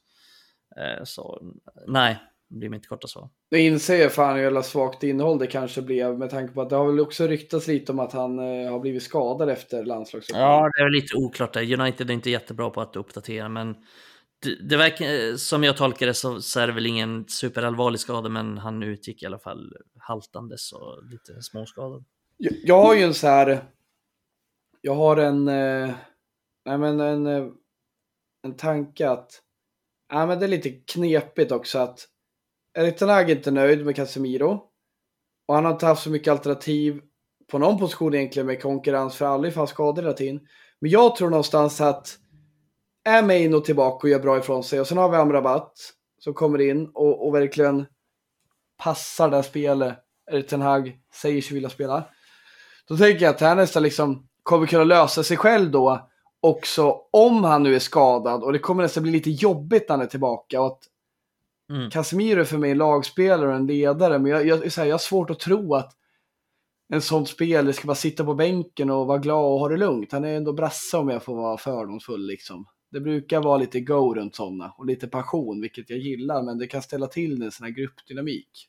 Ja, det kan Och- det ju. Men, men rent taktiskt kanske kan lösa sig lite för Erik Ten Hag, för han har ju blivit lite av ett nödvändigt ont centralt. Att som du säger, han är ju största förtjänsten den här säsongen är ju offensiven. Förra säsongen var ju jävligt viktig för defensiven. Men den här säsongen har inlett så dåligt att han är ju liksom, han är, han är ju anledningen till att det är ett hål i mitten. Förut var det ju anledningen Eriksen, att Casemiro inte kunde täcka upp för honom. Men nu är det ju allt möjligt med Casemiro där han, han inte riktigt har hittat sin roll. Och du sa ju någon, något som inspirerade mig sist när ni spelade in, när jag var bara lyssnade, att ja, men du sa något i, i form att ja, men det känns som att han liksom försöker utmana sig lite nu i den här nya rollen han är i. Att, Just det. att eh, ja, men det, det kan fan stämma att ja, men jag har gjort det här i alla år, nu för fan testa något nytt och jag förhåller mig till våra principer men, men jag kommer ge mig ut på det här äventyret om det finns. Och det blir lite High Chaparral, vilket han gillar och Bruno med och Rashford med för den delen. Men det passar ju inte oss. Och Erik Ten Hag nu, han kommer ju behöva ta beslut kring det här. Och det här är fan inte helt ovanligt, men det är fan inte ovanligt att någon är dålig så råkar skada sig och sen helt plötsligt tappar sin plats. Och jag tänker ju Maino och Amrabat, det är inte en helt jävla dum duo centralt. Nej. Nej, Bollskickliga, vara- riviga, kan löpa, kan ha olika roller, alltså kan, kan anpassa sitt fluid system. Kan Jag bara tänker, kan, eh, det kan vara en lösning framöver för, för liksom det, det kom, var det inte, det var då Galatasaray, då startade vi både Casemiro och Amrabat. Mm. Och liksom visst att de inte är vana varandra, men det är ju sällan man sett så jävla yvigt mittfält. Vad tror du det skulle vara så solid det kunde bli där mittfältet? Fan vad det var yvigt. Ja, herregud. Eh, Ja, precis. Nej, det... Nej, det, det känns ju någonstans som att det blir också upp till en slags bedömning av Erik Ten Hag. Att, precis som du säger, vad vill han att United ska vara och vågar han framförallt ta det beslutet? Eller kommer han köra på med Casemiro till exempel, trots att han eh, inte är särskilt bra bara för att Eh, han är det stora namnet och han är liksom en dyr värvning som United har gjort och så vidare. Kommer han, kommer han göra det eller vågar han? För att tidigare har han ju liksom inte... Casemiro har ju varit dålig hela säsongen. Jag tycker han har varit dålig sedan minut ett och han har egentligen varit dålig varenda match nästan han spelade. Det var väl en match som han var ganska bra, det är Crystal Palace i kuppen. Eh, men annars tycker jag han har varit direkt dålig varenda match och det tyckte han även var mot Bayern München och så gör han två mål. Och det maskerar ju lite de brister han har visat. Men Erik Ten Hag har inte riktigt bytt ut honom tidigare. Men den här gången tog han ju beslutet att jag menar, han plockar honom i halvtid. Och det var lite oväntat. Så det ska bli intressant att se om han vågar ta de här besluten framöver. Eh, innan det blir liksom en ohållbar situation. För att han måste ju också rädda sitt jobb. Men det är ju svårt för att då behöver han ta ett sånt här tufft beslut. Som du säger också, det är inte bara att han plockar ut Casemiro från planen, utan det riskerar ju också att skapa någon slags osämja i, i omklädningsrum. Och nu menar jag inte att Mm. Casemiro är en sån som skapar trubbel, men det är klart att han kommer vara jävligt missnöjd om han inte får spela. Han kommer vara mer missnöjd än vad McTominay eller Eriksen är i omklädningsrummet. Det är jag helt övertygad om. Och då är vi tillbaka på det här som jag pratade om innan och som vi pratade om nyss. Alltså det här med truppdynamik, att värva rätt profiler, värva rätt spelare i rätt tillfälle. Och United värvade, liksom, United värvade Casemiro. Nu är vi i en sån här situation där vi funderar på hur fan ska vi lösa det här? Och det är ju ett resultat av att United inte har någon idé med, med vad de gör i, i sina värvningar, i sin rekrytering. Eh, och därför har vi hamnat där och därför diskuterar vi de här sakerna. Och därför sitter inte City och om... Ja, men det finns väl ingen City, City-podd i hela världen, eller på att säga. Men hade, de haft en, hade det funnits en City-podd så, hade de så hade de inte suttit och diskuterat sådana här saker, för att de har en, en bra balans i sin trupp. Ja. De, de har sällan den här typen av problem. Jag, nu följer jag liksom inte City så där i innersta fankretsar, men jag kan inte tänka mig att de har haft så många av den typen av diskussioner. att Vad fan ska vi göra med den här spelaren? Han Nej. presterar inte. Men han får Nej, det är spela. snarare tvärtom så här. Fan, han är inte så jävla bra, men vänta nu, Pep får en ordning på den där gossen. Ja, nej men, nej men precis. Och det, och det är ju ett resultat av att eh, de har en bra balans i truppen, att de hela tiden är bra på att planera sin trupp också, att de säljer rätt spelare i, i rätt tillfälle. Och de har sällan någon typ av dödkött i sin trupp egentligen, utan eh, de är väldigt välstrukturerade i det. Eh, och det har inte United varit, men nu kommer vi av oss lite här. Men Ja, men jag vill Men flika det- in där med, med truppdynamiken. Att det är också så att, ja, vi kan prata om taktik och funktion i laget. Att det kanske inte är så dumt egentligen om än under en kort period, testa några andra spelare centralt med tanke på hans historik den här säsongen. Men jag vill ändå lägga till det att med tanke på det som hänt med Sancho, han har fimpat sin lagkapten som kanske inte är skitnöjd. Det är några spelare som inte är särskilt önskade men ändå är kvar. Eh, vi har liksom ganska, som jag får spekulera, ganska få go-to-guys för Erik Han har ju några ledare som han kan gå till. Mm. Men han har ju klippt många band. Han har klippt David de Gia som säkert gör någon ledsen. Och han har eh, ställt krav på Sancho som säkert gjort någon ledsen. Och sen är Harry ledsen. Ja, men du förstår väl komma till. Det är mm. ju inte så jävla lätt att ta det steget, lite som du är inne på. Det är lätt kanske taktiskt, för det kommer kanske till och med bli bättre. Jag tror det, med Maino och eh, Amrabat. Men jag gillar ju Casemiro, men jag tror fan det kommer bli bättre med Amrabat och Maino. Men, och, och fimpa han rent mentalt, det kommer inte göra den här truppdynamiken bättre för Erik han, han har jävligt svårt där och goda råd är dyra. Det är ett nytt ljud i skällan för Erik För förut var det svårt att peta Casemiro, nu är det lättare. Han har en spelare att ersätta med i Amrabat. Och han har krav på sig som han inte hade vid den här perioden förra säsongen. Då började vi vara bra. Nu har vi liksom bara blivit sämre. Jag, eh, jag tror han kommer att ha det jävligt tufft om han petar Casemiro. Så jag tror det kommer ruskas runt. För den här, den här kärnan, de står inte riktigt upp för varandra som jag upplever. Tvärtom, man hittar lite problem här och var. För de här ryktena som kommer från trovärdiga källor som The Athletic om att ja, men man är inte helt jävla nöjd med besluten kring Sanchos situationer. Då känner jag att ja, men man är jävligt lättstött och det finns liksom ingen stark kulturgrund. Och det sitter ju allt från omklädningsrummet upp till vdn ner till mm. de som faktiskt jobbar hårt på Carrington. Är... Samtidigt är det ju... Ja, precis. Det är en bra poäng, för samtidigt är det ju, är ju Ten Hag i en ganska svår sits. För att säga att han petar Casemiro då till exempel. Och jag tänker nog ändå att Casemiro är, som du säger, en av de här ledarna i truppen. Och han är nog, jag tror att han är ganska populär också. Alltså, folk ser honom som en skön kille och vunnit allt och mm. en, en ledare liksom. En, en, han verkar vara en bra kille. Eh, säg att han petar Casemiro då och United förlorar mot Sheffield United. Då mm. riskerar det också att bli väldigt mycket mer osämja i truppen. Att Casemiro mm. kanske får någon med sig att, ja men vad fan händer här nu? Nu är jag petad här och så fortsätter vi förlora mot fucking Sheffield United. Vad är det som mm. händer? Vad är, vad är det med den här tränaren liksom? Förstår du vad jag menar? Att jajamän, det kan, jajamän. Ja, det, det kan resultera bara... i... Så det är ett jävla... och, det, och det tror jag att Ten Hag tänker på också. Sen när han tar de här besluten. Jag tror att han... Han är ju smart nog att inse att, ja men tar jag det beslutet, ja men då kan det riskera att det blir si eller så. Så att han tänker i alla de banorna. Eh, så det är, ja, fan det, det är jävligt svåra beslut och det är det jag menar med den här truppdynamiken. Liksom att han får inte, nu är det ju han såklart som har värvat de flesta spelarna, men han sätts ju liksom inte i en bra situation. Nej. Så det är, det är jävligt klurigt, måste jag ändå säga och tänka från hans perspektiv. Eh, ja. Men jag hade ju, det är lätt för oss att sitta här och säga, ja men det är bara det är bara peta Bruno, det är bara peta Rashford, det är bara peta Casemiro så blir det bra. Men det är också, vad händer när man petar de största spelarna i en mm. klubb och det fortfarande inte går så bra? Ja, då, då kommer han behöva ta de här tuffa besluten. Till exempel som när han, det är bara att se på när han petade Ronaldo. Ja.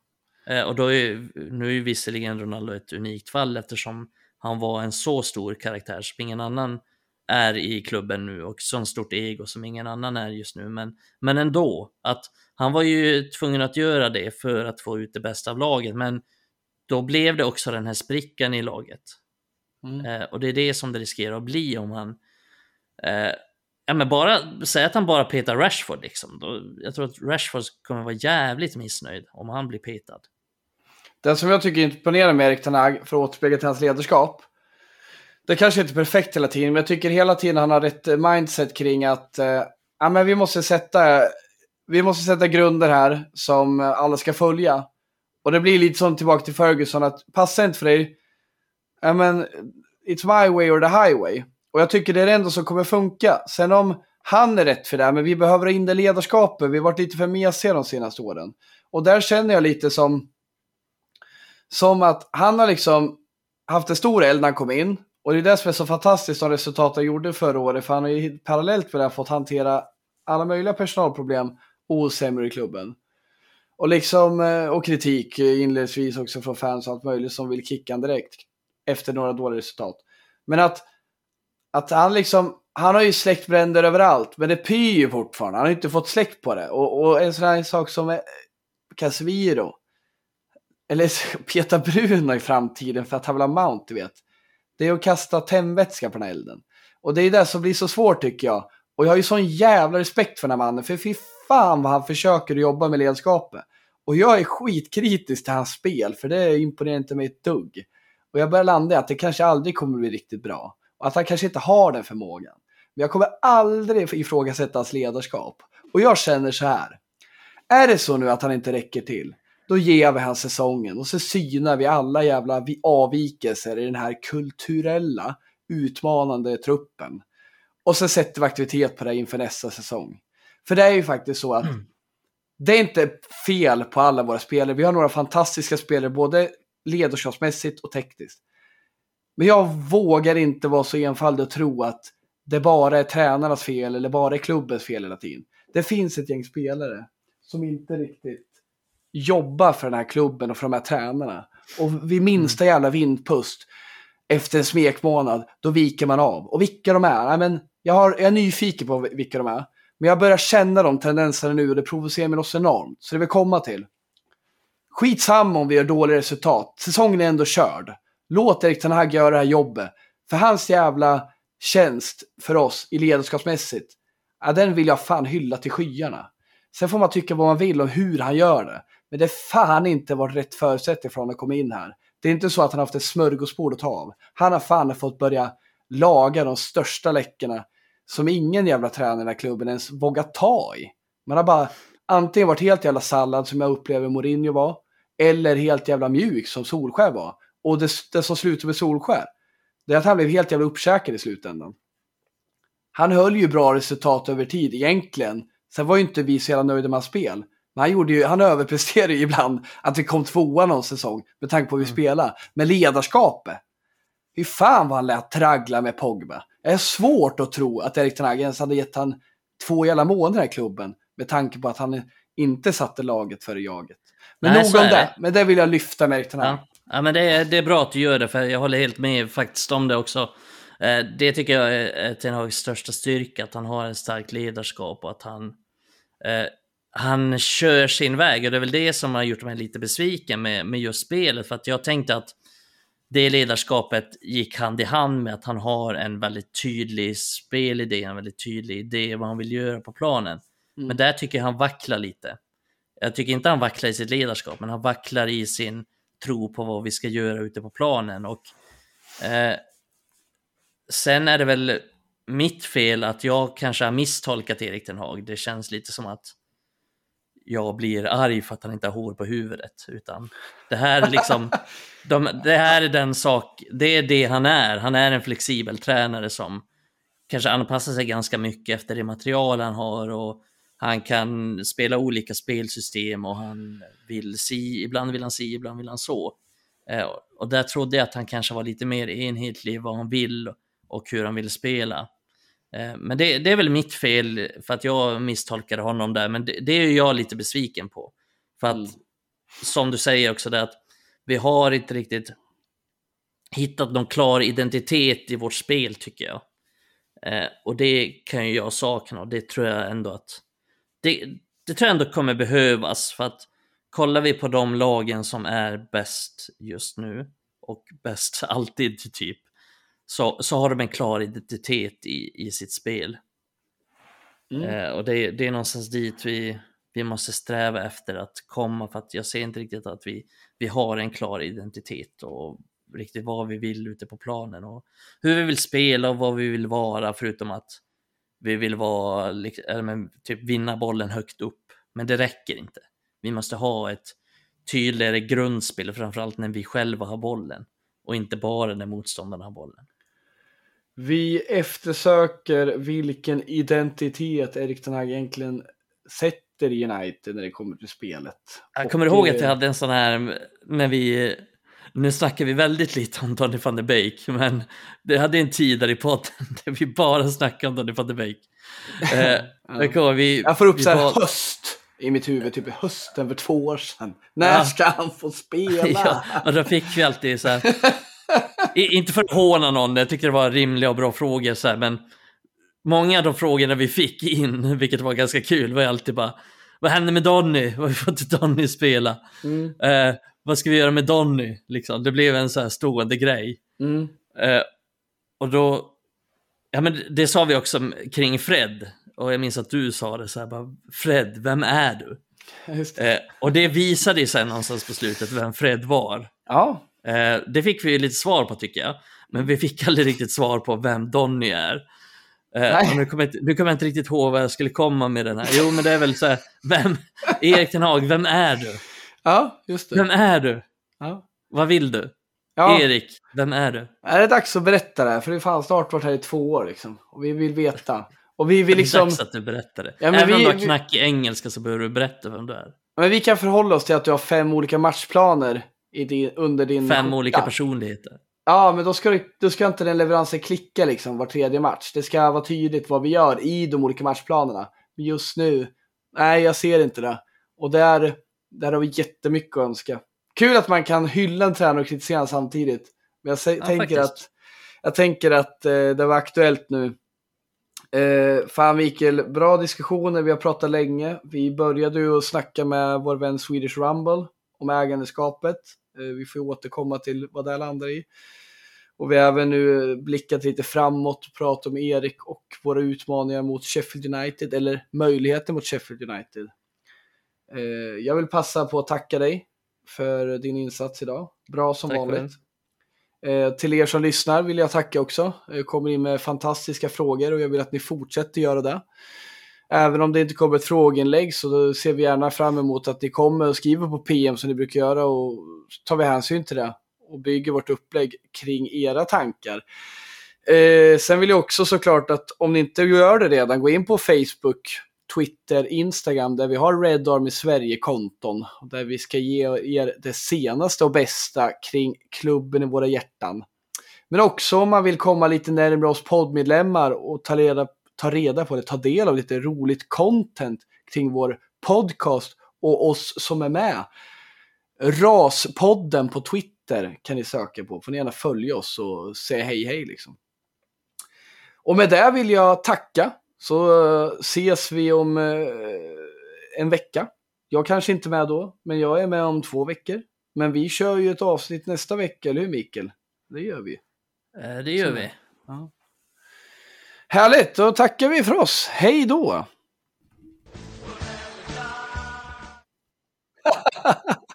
Vad händer? Dubbelklick. Vart är du Jonas? Jag kan inte.